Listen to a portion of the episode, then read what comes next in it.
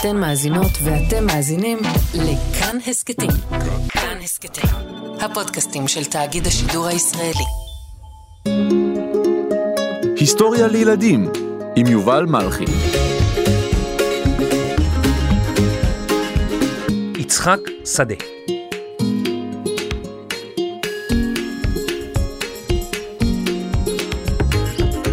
הרוח נושבת קרירה, נוסיפה קיסם למדורה.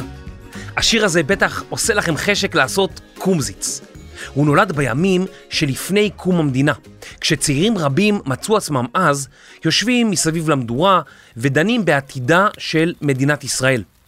בין כל הצעירים היה גם איש מיוחד שהייתה לו ילדות לא פשוטה, שהסתבך בקרבות רחוב, שעבד בקרקס נודד, שהיה דוגמן לציורים ואף לחם במלחמת העולם הראשונה. האיש המיוחד הזה הפך למפקדם של לוחמים רבים. הוא פיקד עליהם בצורה יוצאת דופן והפך לאגדה. שמו היה יצחק לנדוברג, לימים יצחק שדה.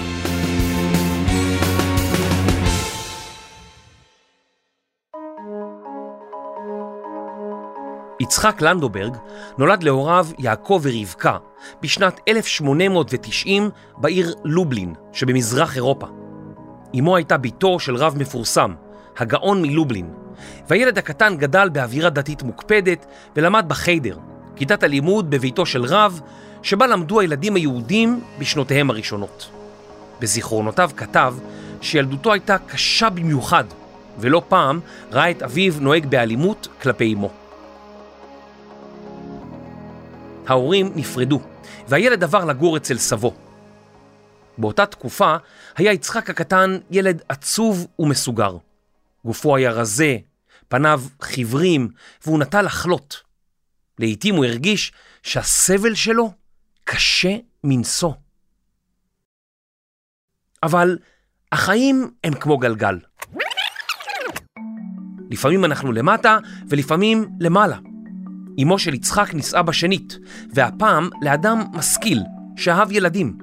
הם התגוררו בבית מרווח, והוריו אף שכרו עבור יצחק מורה פרטי. שמו היה הלל צייטלין, והוא לימד את יצחק הקטן על העולם, על היהדות, וגם על הציונות. הרעיון של העם היהודי מגיעה מדינה משל עצמו בארץ ישראל. בינתיים, יצחק החל להתעמל, ועד מהרה היה בעל כושר גופני גבוה. יצחק הפך מילד חלש, חיוור וחולני לנער בעל מוח חד וגוף בריא. שלום, אני יצחק. אני אתעמל קצת ואקרא ספר. ואני אתעמל עוד קצת, הנה משקולת עוד... אני יכול, הנה סוס, בוא נראה, אני מרים את הסוס הזה ביד אחת. רגע, מה כתוב כאן בספר? או, איזה מעניין. רק רגע, סוס, אני כבר מוריד אותך. וואו, זה מעניין מה שכתוב בספר. או, הנה, להרים משקולות, לקרוא בספר. להרים את הספר, הנה, אני מרים את הספר, זה כבד, ואני... מה כתוב פה? עשרה קילו. אוי, אוי, אני, אני קורא במשקולת ומרים ספר. איזה בלבול. כשיצא מבית הוריו, החל לחפש את דרכו בחיים. יצחק החל ללמוד פילוסופיה, ובמקביל השתתף בתחרויות היאבקות. הוא גם אהב לבקר במוזיאונים וללכת להצגות תיאטרון. לעתים עבד כשומר ראש, ולעתים כדוגמן עירום עבור ציירים. היה עליו להישאר במקום ולא לזוז בכלל במשך המון זמן, כדי שהציירים יוכלו להתבונן בו ולצייר. יצחק היה חם מזג, ולעיתים הסתבך בקטטות רחוב. לבסוף, הוא הצטרף כשרירן למופעי קרקס. הוא אימץ לעצמו את שם הבמה בר כוכבא. יצחק הצעיר לא ידע מה יעשה אחרי הקרקס, אלא שאז, בשנת 1914, פרצה מלחמה.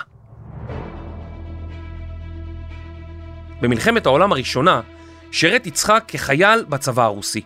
הוא אפילו זכה לאות הצטיינות על גבורתו. יהודי אחר שלחם בצבא הרוסי, וקיבל גם הוא אות הצטיינות, היה יוסף טרומפלדור.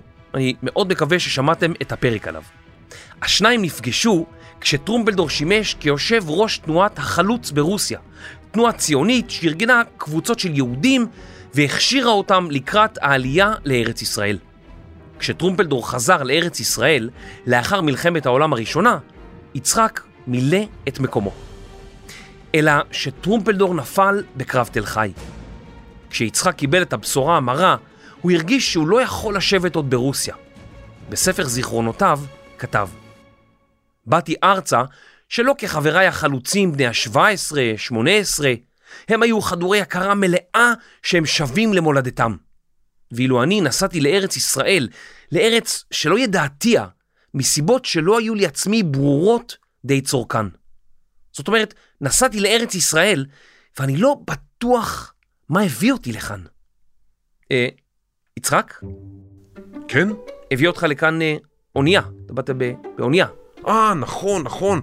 אבל אני התכוונתי לסיבה. אה, סיבה, לא, לאונייה קראו סיבה. שם מוזר לאונייה, סיבה. לא, לא, לא.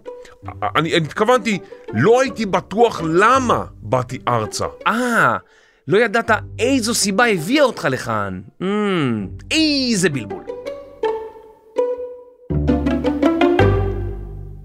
יצחק היה בן 30 כשעלה ארצה, ולכן נחשב למעין מבוגר אחראי ביחס לחלוצים האחרים, שהיו הרבה יותר צעירים ממנו. הם התיישבו במושבה מגדל שליד הכנרת, והקימו את גדוד העבודה וההגנה על שם יוסף טרומפלדור, ובקיצור, גדוד העבודה. קבוצות נוספות של חלוצים שהגיעו ארצה הצטרפו אליהן כדי להקים יישובים יהודים חדשים בארץ ישראל.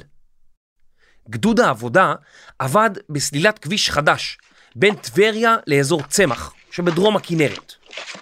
חלק מעבודת הסלילה הייתה כרוכה בחציבה בסלע, דבר שיצחק החזק אהב לעשות. איזה חרוז יפה, יצחק החזק. גם לאחר פירוקו של גדוד העבודה, יצחק החזק המשיך לעבוד כחוצב במקומות שונים ברחבי הארץ.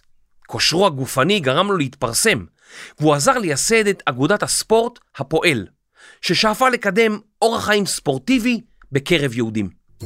קדימה בחורים, קדימה. אה, מה קדימה? הרגע חזרנו מהפרדס, כל היום עדרנו ועדרנו, הגב שלנו מה זה כואב? אין זמן להתבכיין. קדימה, להתמתח וקפיצות. מה קפיצות? מה, אני בקושי זז? מה קפיצות? מה? ועכשיו, שכיבות צמיחה ביד אחת. מה יד אחת? היד שלי עוד רגע נופלת. מה, מה יד אחת? קדימה, קפיצות, קפיצות. למה כולכם שוכבים על הרצפה? אוי, איך נקים ככה מדינה, איך? קדימה, כולם לקפוץ, לרוץ, להרים משקולות, קדימה, קדימה. יצחק, די, יצחק! אוי, יצחק, די, יצחק, בבקשה. יצחק, יצחק, אני לא רואה, יצחק, תפוס לי כל הצדדים, הכליות נתפסו לי, יצחק, הכליות. לפני שנים רבות עלה מרוסיה איש צעיר בריא ומגודר. ייבש פיצות חצף במחצבה, עבד בכביש, היה חבר בגדוד העבודה, חבר בגדוד העבודה.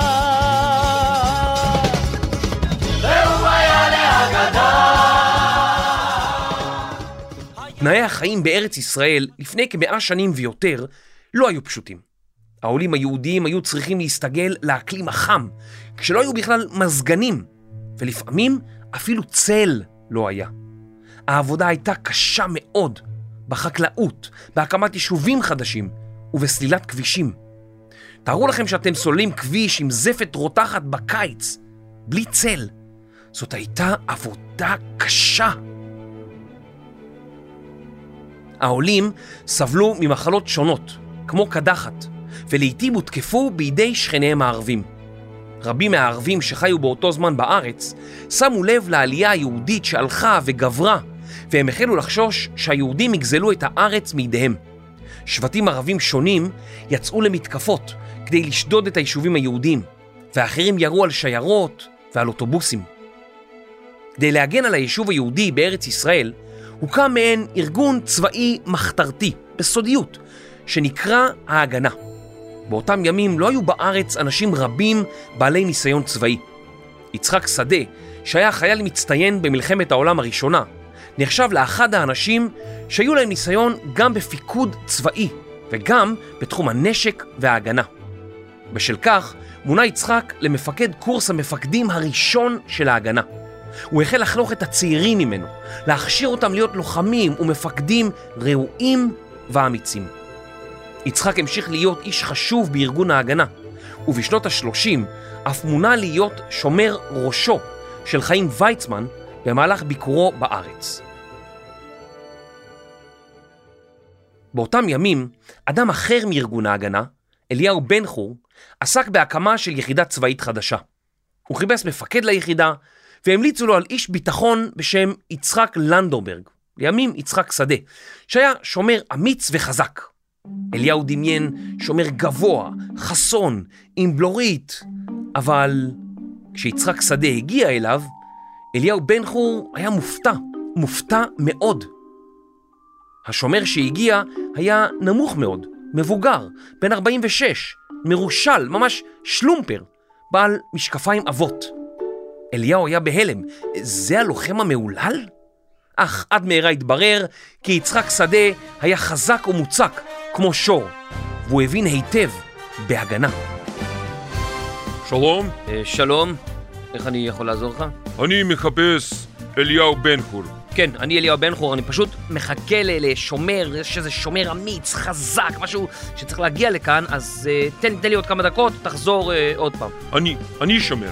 Uh, אתה שומר? כן, אבל אני מחכה למישהו אגדי, דמות שכולם מדברים עליו פה, זה, זה בחור, ואתה, אתה יודע, אתה קצת נמוך, קצת שמן, אתה מבוגר, אתה לבוש כמו שלומפר, אתה לא... איך, איך קוראים לך? אני יצחק, אה, גם השומר שאני מחכה לו קוראים לו יצחק, איזה, איזה יצחק, יצחק מה? יצחק לנדוברג. אבל בעתיד אני אשנה את השם שלי ליצחק שדה. אה, יצחק שדה, כן, אני מחכה...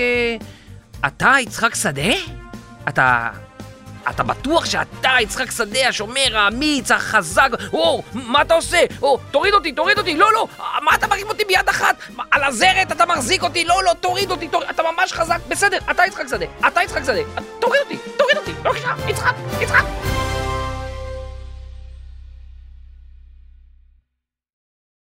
יצחק שדה האמין כי כאשר מגינים על יישוב מסוים, אסור לחכות בעמדות השמירה עד שהאויב יגיע אליך, אלא יש לצאת אל מחוץ לגדר היישוב ולתקוף את האויב בהפתעה, ואפילו להגיע לכפרו שלו, כפרו של האויב. ניסיונו הצבאי וחוכמתו הוכיחו את עצמם, והיחידה שהקים, הנודדת, הדפה וסיכלה מתקפות רבות של ערבים.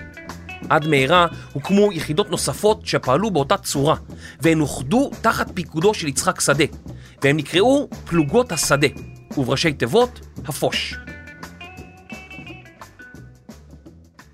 יצחק שדה הצליח במשימתו לבנות יחידות נועזות שפעלו בחוכמה, בהפתעה ובאומץ לב, וידעו לנצל את הלילה. אורד וינגייט, שהיה קצין בריטי שעזר רבות ליישוב היהודי, אמר פעם שהלילה הוא ידידם של האמיצים. באותה תקופה, רבים מהעולים ארצה בחרו לעצמם שמות חדשים, עבריים. גם יצחק שינה את שמו, ובתור מפקד פלוגות השדה, שינה את שמו ליצחק פלוגות. ל... סליחה, ליצחק יער.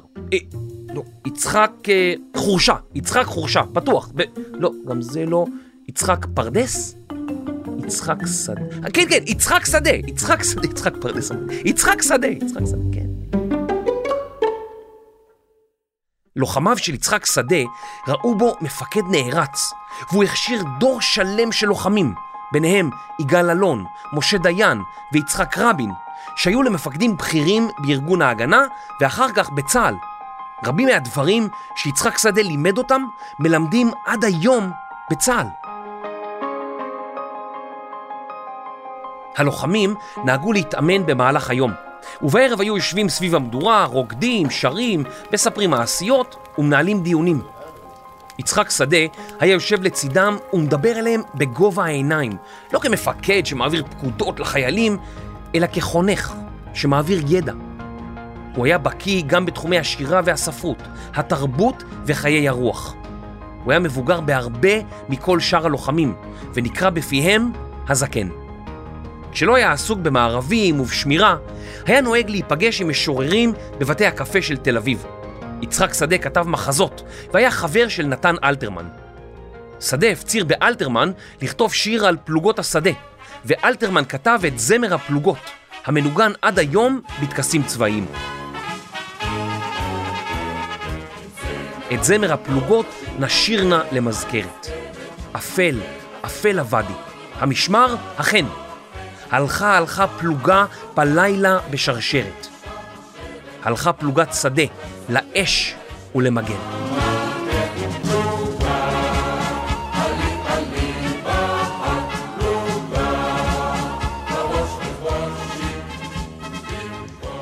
הזקן האמין בנוער הצברי, הנערות והנערים שנולדו וגדלו ביישוב היהודי בארץ ישראל.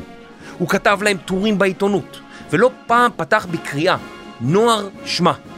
הוא קרא לנוער להתגייס למטרה החשובה של הגנת היישוב. את הרובה הרוסי נושא החייל הרוסי, את הרובה האנגלי נושא החייל האנגלי. חברים, מי יישא את הרובה העברי? אתם חייבים לשאת את הרובה העברי. ליצחק הייתה השפעה גדולה על הנוער העברי, ואחד הדברים החשובים לו היה הקפדה על טוהר הנשק. עיקרון מוסרי שקיים בצה"ל עד ימינו, ולפיו אין לירות בחפים מפשע או בחסרי ישע.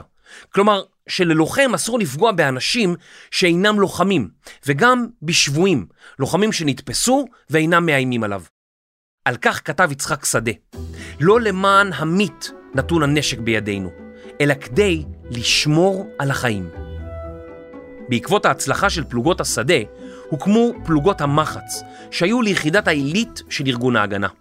במקביל לעבודה חקלאית בקיבוצים, לוחמי הפלמ"ח עברו אימונים צבאיים והיו ליחידה צבאית מאומנת, בעלת משמעת ויכולת פעולה שלא היו קיימים לפניה. יצחק שדה פיקד על הפלמ"ח, וגם שם הכשיר לוחמים ורמטכ"לים לעתיד. הפלמ"ח לחם נגד הצבא הבריטי, כיוון שהבריטים הגבילו את העלייה היהודית לארץ ישראל בזמן מלחמת העולם השנייה והשואה. הוא גם עסק בפעולות ההעפלה, עלייה של יהודים ארצה, למרות שהבריטים לא אישרו זאת. לאחר מלחמת העולם השנייה, ההגנה והפלמ"ח חברו למחתרות האצ"ל והלח"י, והקימו את תנועת המרי העברי, שנועדה לסלק את הבריטים מארץ ישראל ולהביא להקמתה של מדינה יהודית. כשהבריטים ניסו לתפוס את מפקדי תנועת המרי העברי, הצליח יצחק שדה להתחמק. הוא היה מבוקש משום שעמד בראש המטה הארצי של ההגנה. זה מקביל פחות או יותר לראש המטה הכללי בצה"ל, הרמטכ"ל של ימינו. כשהבריטים הגיעו לתפוס אותו בקיבוץ נען, הוא התחפש לאיש זקן המנגן בכינור. שלום לך, איש זקן. שלום, שלום. אנחנו מחפשים אחר מפקד הפלמ"ח, יצחק שדה. או, כן, כן, בטח, בטח. אתה מכיר אותו? עוגת קצפת. מה? לימונדה עם זיתים. מה? מי אתם? אנחנו חיילים בריטים, ואנחנו רוצים לתפוס את יצחק שדה. אוי, כן, בטח, בטח. אז איפה הוא? מי? לא משנה איש זקן, תמשיך לנגן בכינור. זה איש זקן מאוד, הוא לא יודע כלום. לימונדה עם זיתים? איזה בלבול!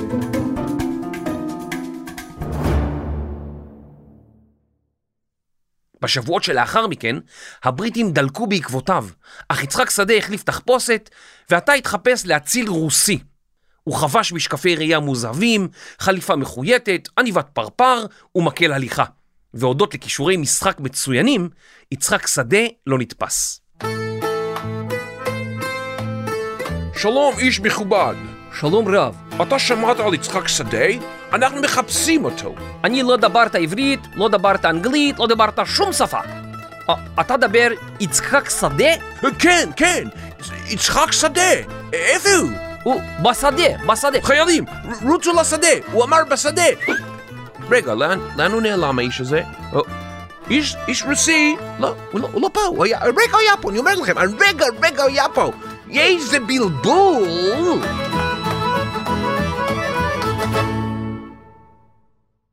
עם סיום המנדט הבריטי על ארץ ישראל, הכריז דוד בן גוריון על הקמתה של מדינת ישראל.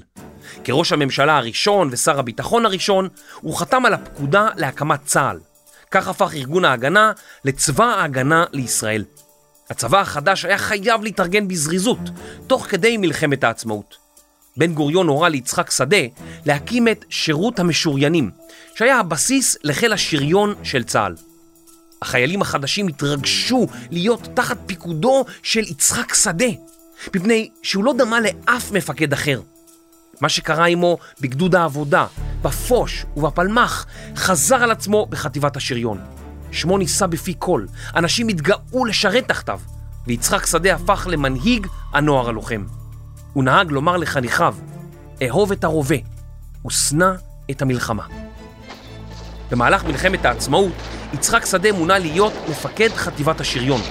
הוא השתתף במבצעים רבים ולחם בקרבות קשים בצפון הארץ ובדרומה.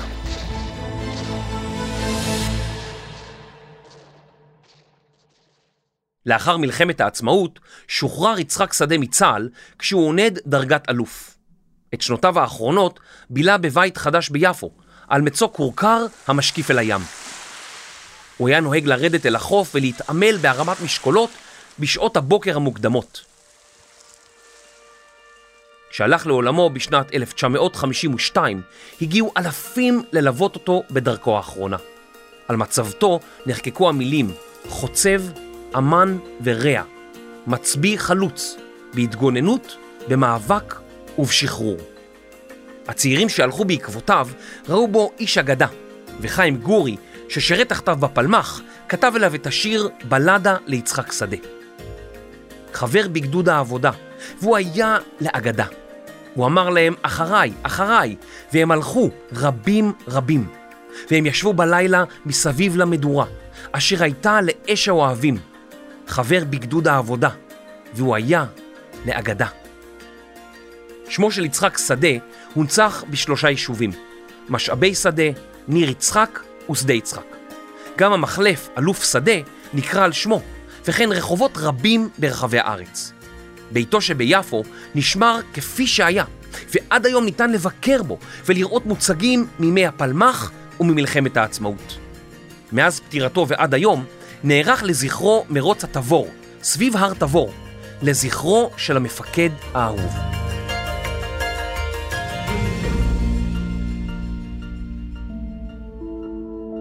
יצחק שדה היה מהמפקדים הדגולים שידעה ההיסטוריה הישראלית. רבים ראו בו בר כוכבא של העידן החדש. הוא היה מפקד אהוב שהנחיל טקטיקה, שיטות לחימה חדשות וערכים. יצחק שדה אמר כי על מפקדים להוות דוגמה לפקודיהם, לאנשים המשרתים תחתם. על המפקד להיות ראשון בין שווים, ולא כאדם עליון על נחותים ממנו. הדוגמה האישית שנותן המפקד, הסביר שדה, משפיעות על החייל יותר מכל דבר אחר, ולכן המפקד תמיד צריך להיות בין חבריו לנשק. יצחק שדה אמר כי אין לך דבר יותר מציאותי מחלומו של אדם אמיץ. יצחק שדה, איש הרוח שאהב שירה ותיאטרון, האמין כי על האדם לאחוז גם בספר וגם בחרב. הוא חלם ועזר להגשים את חלומם של רבים, מדינה לעם היהודי בארץ ישראל. היא מדינת ישראל.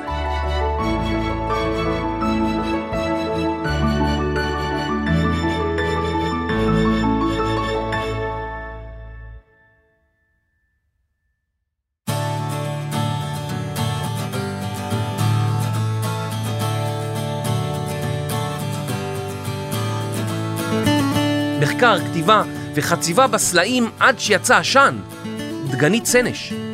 פיתוח תוכן ושרירן בקרקס סמבוסק, תומר שלוש. מחקר, עריכה, קריינות וחבר של יצחק יער, יובל מלכי. עריכת לשון ועורכת הלשון של הפלמ"ח, דינה בר מנחם. מיקס, אפקטים והכנת תחפושות ליצחק שדה, רחל רפאלי. הפקה והאנשים שמתחילים כל משפט בנוער שמה, ניר גורלי, אבי שמאי ורני שחר. אני יובל מלכי, היסטוריה לילדים.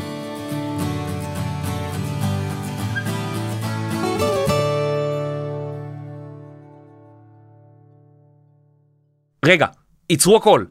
אם אתם מאזינים דרך אפל, ממש נשמח שתדרגו אותנו ותכתבו מה אתם הכי אוהבים בהיסטוריה לילדים. זה עוזר לנו מאוד, אז תודה. נשמח לראות אתכם גם בקבוצת הטלגרם שלנו, היסטוריה לילדים, שם תוכלו להציע הצעות לפרקים ולשמוע מה חדש. פרקים נוספים של היסטוריה לילדים ניתן למצוא באתר כאן, ביישומון כאן וביישומונים לרכב ולטלוויזיה. תודה.